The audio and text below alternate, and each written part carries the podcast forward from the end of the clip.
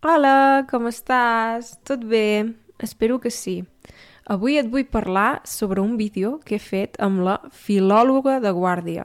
Es diu Aida i em sembla que té un canal d'Instagram i de YouTube molt interessants. També té TikTok, per cert. Sí. Abans de començar, us vull donar les gràcies als que m'heu fet una donació a Ko-Fi o us heu fet Patreons. La veritat és que això em va molt bé. Sí, doncs res, si ja estàs a punt, som-hi.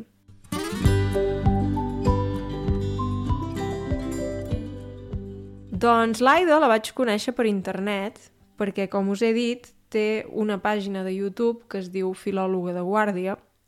Jo segueixo una altra noia que es diu Linguriosa. Ella fa vídeos en castellà uh, i la veritat em sembla una persona molt creativa i, i van fer un vídeo molt interessant el canal de l'Helena, de Linguriosa, i el canal de l'Aida, de filòloga de guàrdia.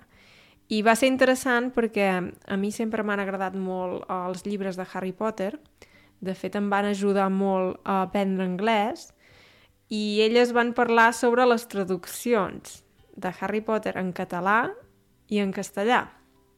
I va ser un tema interessantíssim per mi, perquè els llibres els vaig llegir en anglès, Llavors eren coses que no sabia.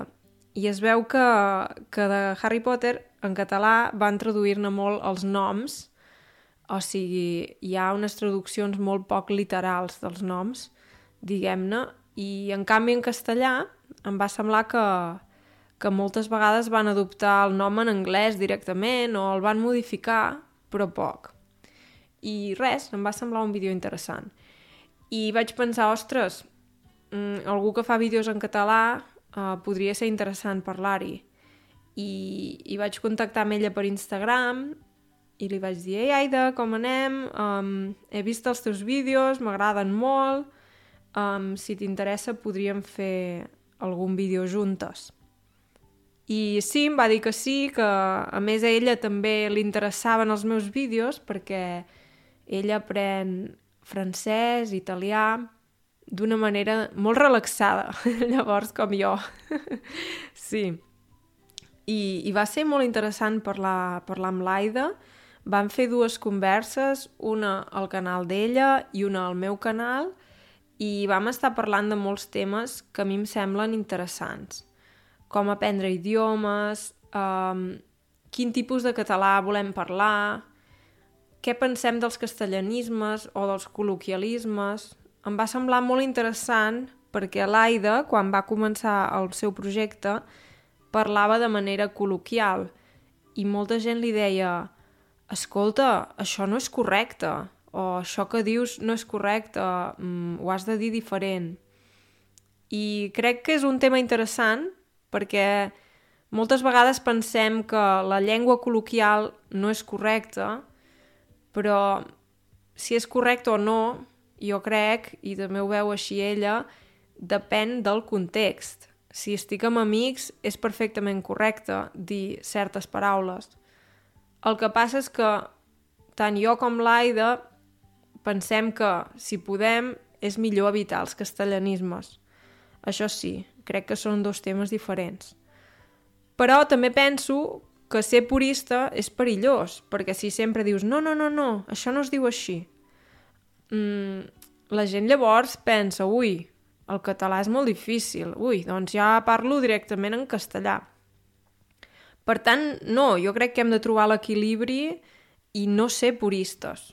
No ser puristes, no dir, no, això no es diu així. Mm, pots simplement dir, ai, mira, això millor dir-ho així. I ja està. Però si algú està aprenent català, sobretot, penso que hem de d'estar contents que aprengui català i no ser excessivament puristes, no, no passar-nos el dia corregint. Perquè a mi, quan m'han corregit molt, um, en èpoques que m'han corregit molt, pf, a mi això em desmotiva molt, la veritat. Penso, uf, doncs ja està, ja ho deixo.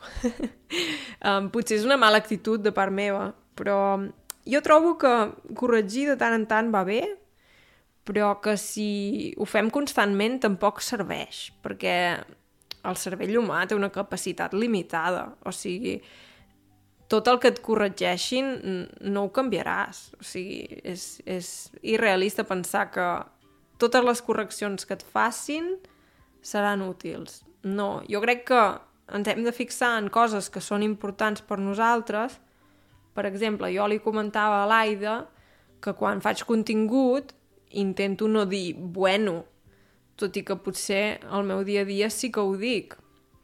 Però penso, home, ja que faig contingut en català, si puc, intento evitar-ho. Però si alguna vegada faig una conversa amb algú i sorgeix, i ho dic, tampoc, no sé, tampoc ho he d'esborrar, perquè al cap i a la fi molta gent utilitza aquesta paraula i si se t'escapa, se t'escapa, tampoc... No ho sé. Penso que s'ha de trobar un equilibri. I vam parlar d'això i de moltes altres coses i em va agradar, la veritat, l'intercanvi. A més, va ser interessant perquè l'Aida és molt més jove que jo. Té... Em sembla que té 9 o 10 anys menys.